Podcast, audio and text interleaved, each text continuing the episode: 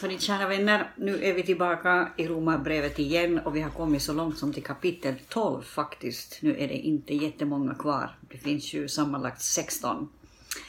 Och uh, den här gången gör jag precis som uh, förra gången. Jag kommer inte att läsa hela kapitlet, det får du göra själv. Utan jag läser vissa sektioner uh, och sen kommenterar jag dem.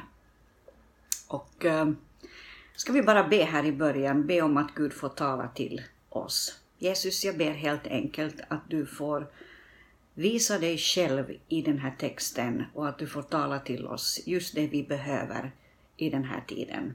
Hjälp oss vara öppna, hjälp oss vara formbara. I Jesu namn. Amen. Paulus börjar det här brevet eh, som för övrigt eh, enligt Bo Gertz som har skrivit en romarbrevskommentar som jag har använt många gånger än. Eh, Paulus kallar liksom eller, eller Paulus startar här det som Bogertz kallar för andra huvuddelen av brevet.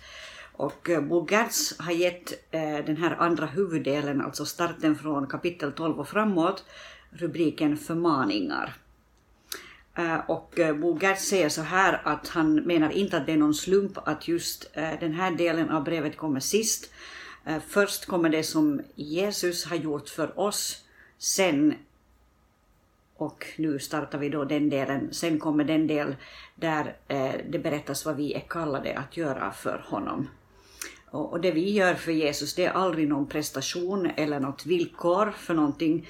Eh, något som skulle göra att vi förtjänar rätten att vara Guds barn eller så. Utan allt det vi gör eh, med start då eh, så som det beskrivs från, från det här kapitlet och framåt. Allt det vi gör så gör vi eh, som, ett, som en som en glädje till Jesus och inte för att på något sätt prestera någonting. Och Paulus börjar texten så här, han säger Därför uppmanar jag er bröder vid Guds barmhärtighet att frambära era kroppar som ett levande och heligt offer som behagar Gud, er andliga gudstjänst. Eh, den uppmärksamma läsaren noterar att det börjar med ordet därför och eh, det gör egentligen att vi borde läsa de sista verserna ur kapitel 11 av den enkla anledningen att detta därför uh, går tillbaka till eller hänvisar till det som står där i slutet, vilket ju var en lovsång till den outgrundlige. Eh, så jag ska också läsa det nu. Det stod så här att o vilket djup av rikedom och vishet och kunskap hos Gud, hur outgrundliga är inte hans domar, hur ofattbara hans vägar. Vem har förstått Herrens sinne eller vem har varit hans rådgivare? Eller vem har gett honom något först så att han måste betala igen? Av honom, genom honom och till honom är allting. Hans är äran i evighet. Och så fortsätter det. Därför uppmanar jag er bröder vid Guds barmhärtighet att frambära era kroppar som ett levande och heligt offer. Eh, så eh, här börjar alltså Paulus med att, eh, att tala om den tillbedjan och den lovsång, den lovprisning eh, som egentligen är vår enda gåva vi kan ge till Gud, därför att eh, det finns ingenting vi kan prestera och inte heller lovsången är någon prestation, men det finns ingenting vi kan göra som skulle på något sätt betala för vår frälsning. Det enda vi kan ge honom, det är vår tack och att frambära våra kroppar. Och det här handlar alltså inte om någon sån här överandlig mm, gudstjänst, utan det handlar om att frambära sin kropp som ett levande och heligt offer som behagar Gud. Och det här eh, offret är levande, säger han. Det, är alltså, det handlar om människan själv med alla sina krafter. Och det här offret är heligt, det vill säga det är heligt därför att Jesus Kristus har gjort sitt verk i mig. Och Jesus Kristus har försonat mig med Gud. Och därför blir också det offer som går fram ur mitt liv, det blir heligt. Eh, jag själv har fått namnet den heliga Eh, det är ju till de heliga som Paulus skriver sina brev, det har vi kommenterat tidigare. Eh, och den heligheten bygger allt på det som Jesus har gjort för oss. Och när det här offret sker eh, så händer något med oss. Det är en, en, en förvandling, säger Paulus. Och nu går jag direkt till, till vers 2. Det står så här att anpassa er inte efter den här världen utan låt er förvandlas genom förnyelsen av ert sinne så att ni kan pröva vad som är Guds vilja, det som är gott och fullkomligt och eh, behagar honom. Så um, vi är kallade att frambära oss själva, alltså våra kroppar, hela vår varelse, allt som finns i oss, vårt dagliga liv, vårt arbete, hela vår synliga existens frambär vi som en lovsång till Gud. Och samtidigt, eftersom vi kallas de heliga och vår kallelse är att leva i världen men inte av världen, nu citerar jag Jesus, eh, eftersom vår kallelse är att leva i världen men inte av den, så anpassar vi oss inte efter den här världen, utan låter oss förvandlas genom förnyelsen av vårt sinne. Och det är ju så att det som pågår i tanken, det som pågår på insidan av vår hjärna, eh, eller insidan av vårt huvud kunde vi säga, det är också sånt som kommer att styra vårt liv. Ibland så har vi en lite slarvig inställning till våra tankar och tänker att ja, men ingen vet vad jag tänker och det som pågår i mitt huvud det är liksom min privata lilla grej. Eh, problemet är att dina tankar styr ditt handlande. Man kan se hur du tänker genom att iaktta ditt liv och att, genom att iaktta mitt liv.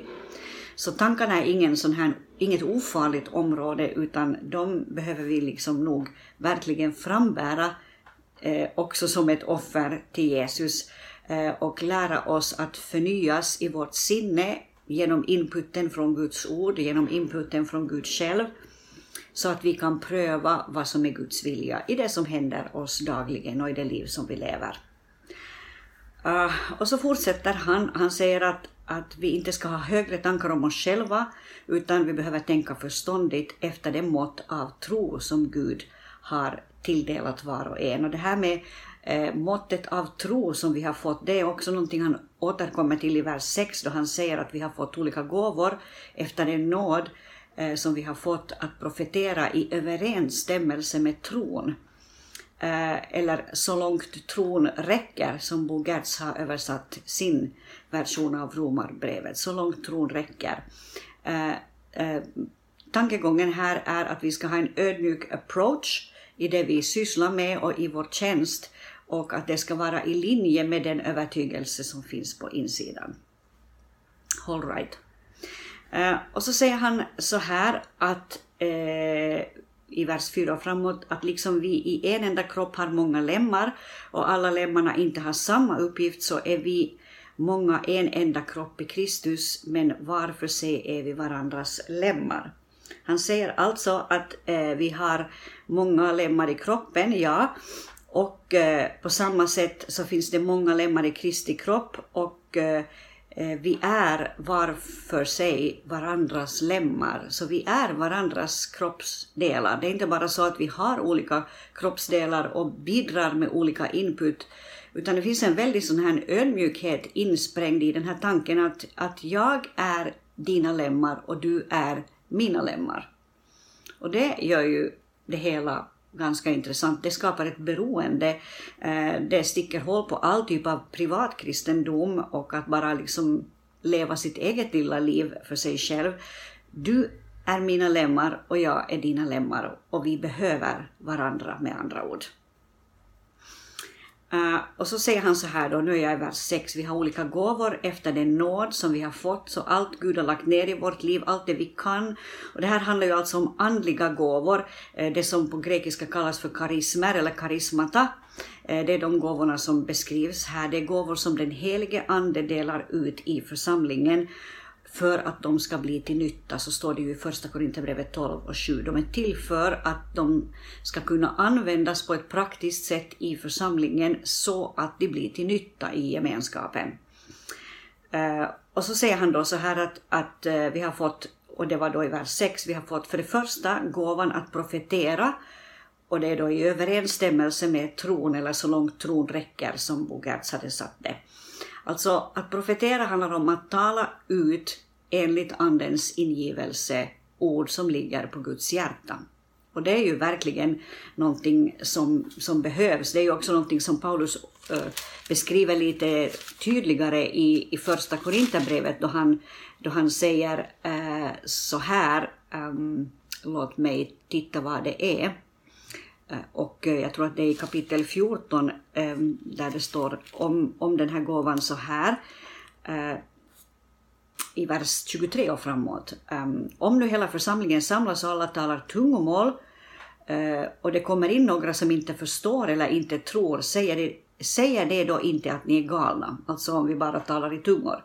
Men så kommer det, men om alla profeterar och det kommer in en som inte tror eller inte förstår, då blir han avslöjad av alla och dömd av alla. Hans hjärtas hemligheter uppenbaras, han faller ner på sitt ansikte och tillber Gud och erkänner Gud finns verkligen i er. Så den profetiska gåvan, eh, det är, nog, det är ingen, ingen slump kanske att den kommer först här, även om jag inte vill göra någon större jotto av det i sig, i vilken ordning de kommer. Men gåvan är mycket viktig enligt den beskrivning som Paulus här ger. Alltså människors hemligheter uppenbaras Eh, och människor erkänner utifrån det att eh, någon profeterade över en, eh, så erkänner de att Gud finns verkligen i er. Gud finns verkligen i dig. Så den profetiska gåvan är viktig. Sen i vers 7 så talar han att tjäna i vår uppgift, så är den översatt i min svenska folkbibel version av, av Romarbrevet 12. Att tjäna i vår uppgift eller att ha en tjänst som Bo Gertz har översatt det till. Eh, det är ordet diakoni som används här och det är möjligt, säger Bo Gertz, att han menar det, alltså att Paulus menar det, men det är lika möjligt och det här är Bo Gertz igen, att ordet har sin ursprungliga betydelse av tjänst i allmänhet. Eh, och oavsett så var man i utkyrkan övertygad om att alla kyrkans tjänster kom från Gud och att innehavarna var gåvor från Kristus och att tjänsten hörde samman med de här andliga gåvorna. Eh, det står i första Korinthierbrevet 12 och 28 om de här eh, tjänsterna och gåvorna. Jag ska läsa det första Korinthierbrevet 12.28, det står så här. Um, Gud har i församlingen för det första satt några till apostlar, för det andra några till profeter, för det tredje några till lärare, sedan några till att göra kraftgärningar, andra till att få gåvor att bota sjuka, till att hjälpa, styra och tala olika slags tungomål. Så det här är sånt som Gud har lagt ner i församlingen och det är tjänster eh, som vi tjänar varandra med och som är till välsignelse för helheten. Sen nämner eh, Romarbrevet 12 gåvan att undervisa i läran, det vill säga att vara lärare. Och då handlar det förstås om lärare i Guds ord, inte att vara lärare i biologi eller något annat, även om det också förstås är en gåva, men det hör inte till de här karismata, de här andens övernaturliga gåvor som, som den heliga ande ger. Eh, men det är förvisso en välsignelse att kunna undervisa andra i biologi eller matematik eller vad som helst All right. Eh, så talas det om att förmana med uppmuntran och tröst. Eh, och ehm, det kan betyda en som förmanar, tröstar eller manar gott för andra. Eh, samma grekiska ordstam finns i parakleten, som är namnet på, på den helige ande egentligen, huggsvalaren, det här gamla ordet huggsvalaren, tröstaren, den helige ande. Det handlar kanske inte om ett ämbete utan snarare om en gåva hos kristna att kunna förmana och ge uppmuntran och tröst. Eh, att dela ut gåvor utan baktankar är också en gåva. Eller att ge, ge ut gåvor eller dela ut gåvor av uppriktigt hjärta utan tanke på att synas eller höras eller, eller märkas. Det är liksom att man gör det i, i en sån här ödmjuk ande på ett ödmjukt sätt. Eh, att vara hängiven som ledare eller att visa barmhärtighet eh, med eh, glatt hjärta. Nu tog jag två saker här. Att vara hängiven som ledare, det är också en gåva. Eh, en av de stora, stora utmaningarna när man är ledare länge eh, själv har jag varit det nu i lite på 30 år och det finns många som har varit betydligt längre än mig. Den stora utmaningen är att hängivenheten väldigt snart kan ta slut, eller den tar fort slut. Och det är viktigt att odla sin hängivenhet och att ta vara på sin hängivenhet och att se till att den får input. Därför att Eh, det, det, är en funktion eh, av, av liksom inspiration att vara ledare. Om inspirationen fattas så kommer inte heller församlingen att orka gå i någon riktning. Eh, och så talas det här om barmhärtighetstjänst eller att visa barmhärtighet med glatt hjärta, alltså utan att fråga om människor förtjänar det eller om det lönar sig, om man får något tack av det och så vidare.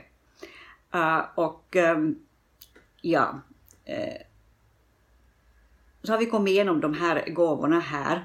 Och så fortsätter han då och talar om kärleken. Han säger älska varandra uppriktigt. Eh, och det är som om han skulle på något sätt eh, ha i tanken samma mm, berättelse om kärlek eller uppmaning till kärlek som han, eh, som han har i första Korinthierbrevet som ju liksom är en, en, ett helt kapitel om, om kärlek. Nu ska jag inte läsa det, men du kan läsa det själv. Kärleken ska vara motorn i vår tjänst och det är inte bara en känsla, kärleken är inte bara en känsla eller, eller en sån här mm, upplevelse av sympati den är alltid villig att rycka in och ställa sig till förfogande när det gäller något som kräver eh, möda, obehag och också risker. Den, den gör människor brinnande i anden, eh, nu citerar jag Bo Gertz här, brinnande av en eld som värmer dem som behöver kärlek men som också kan bränna dem som står emot Gud. Eh, så kärleken är liksom drivkraften här och Paulus säger alltså älska varandra uppriktigt Avsky det onda, håll fast vid det goda. Var innerligt tillgivna varandra i syskonkärlek, där kommer det igen. Överträffa varandra i ömsesidig aktning. Var inte tröga när det gäller iver, var brinnande i anden.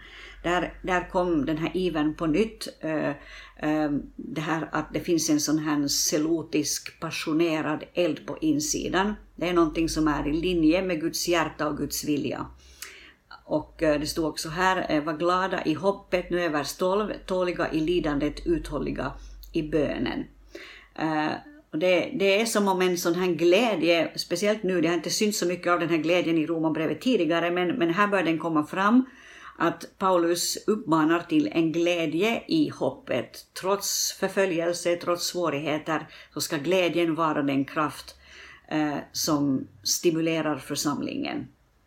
Eller som det står i, i, i Nehemja bok, glädjen i Herren är er styrka. Ja, så stod det här, välsigna dem som förföljer er, välsigna och förbanna inte. Gläd er, igen med dem som är glada, gråt med dem som gråter. Också viktigt att kunna visa medlidande, att kunna ha ett hjärta som Jesus, som grät vid Lazarus grav, som grät eh, mitt i den nöd som fanns där, Eh, minst lika viktigt att kunna glädjas, eh, som att kunna glädjas med andra är att kunna gråta med andra människor. Uh, och det kan hända mitt i en, uh, det här är kanske en parentes på ett sätt, men mitt i en värld där det är mycket stress och mycket jobb och människor jobbar övertid och människor har fulla dagar, uh, där kan liksom vår egen känsloförmåga eller vår förmåga att visa, hur ska jag säga, visa ett hjärta för andra människor och känna med andra människor, den, den förmågan ta, kan ta lite skada eh, om vi blir för trötta. Det är viktigt att sköta sig själv så att man klarar av att inte bara vara en högproducerande robot, men en, en människa som känner med andra människor och som har ett hjärta för andra människor. Uh, nu hoppar jag lite här, det står tänk på det, vers 17, tänk på det som är gott i alla människors ögon, håll fred med alla människor så långt det är möjligt och beror på er. Så liksom gå långt i din passion för andra människor. Och så kommer han till slut till en liten sån här, vad ska vi säga, till en liten, ett litet passage om, uh, om hämnden. Uh, och eh, han har ju talat här tidigare i Romarbrevet 5 och 5 han, han har talat om, om, om det här att ha en kärlek som, som pulserar i våra hjärtan, att Guds kärlek är utgjuten genom den helige Ande. Eh, och han har beskrivit i de här verserna här innan, så har han beskrivit vad den här kärleken i praktiken betyder.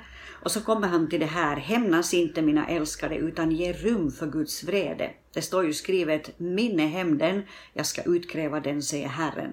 Om din fiende är hungrig, ge honom att äta, om han är törstig, ge honom att dricka. Gör du det så samlar du glödande kol på hans huvud. Låt dig inte besegras av det onda, utan besegra det onda med det goda. Och jag sätter nog det här på något sätt in i den kontext som Paulus och de första kristna lever i, det vill säga förföljelsen. Det är lätt där att man eh, skulle fyllas av en sån här vilja att hämnas, att bli elak. Eh, och och, och Gud är väldigt noga här genom Paulus att liksom understryka att, att, att det är hans som hämnden är. Det är Guds, eh, hämnden är Guds och han kommer att utkräva dem, den. Istället så, om du ser din fiende och han är hungrig så ge honom generöst det han behöver. Om han är törstig så ge honom det han behöver. Och på det här sättet så samlar du glödande kol på hans huvud. Och På det här sättet, sammanfattningsvis, så låter du dig inte besegras av det onda, utan du besegrar det onda med det goda. Då har vi kommit igenom eh, det här kapitlet Uh, och jag ska nu läsa Matteus 5.44 som en avslutning på det här, där Jesus är lite inne på samma saker uh, när det gäller fiender och att liksom så godhet in trots att människor behandlar er en illa. I Matteus 5.44 säger Jesus, jag säger er, älska era fiender och be för dem som förföljer er då är ni er himmelske fars barn, för han låter sin sol gå upp över onda och goda och låter det regna över rättfärdiga och orättfärdiga. För om ni älskar den, dem som älskar er, vilken lön får ni för det? Gör inte tullindrivarna det också? Om ni bara hälsar på era bröder, vad gör ni för märkvärdigt med det? Gör inte hedningar det också? Var alltså fullkomliga, så som er himmelske far är fullkomlig. Och där har vi en utmaning för den här veckan fundera lite på det här att har, har du människor som du tänker att det här är nog mer min fiende än min vän, så in lite godhet där och följ Jesu exempel i det här. Så ses vi igen om en vecka och då går vi in i Romarbrevet 13. Var välsignad.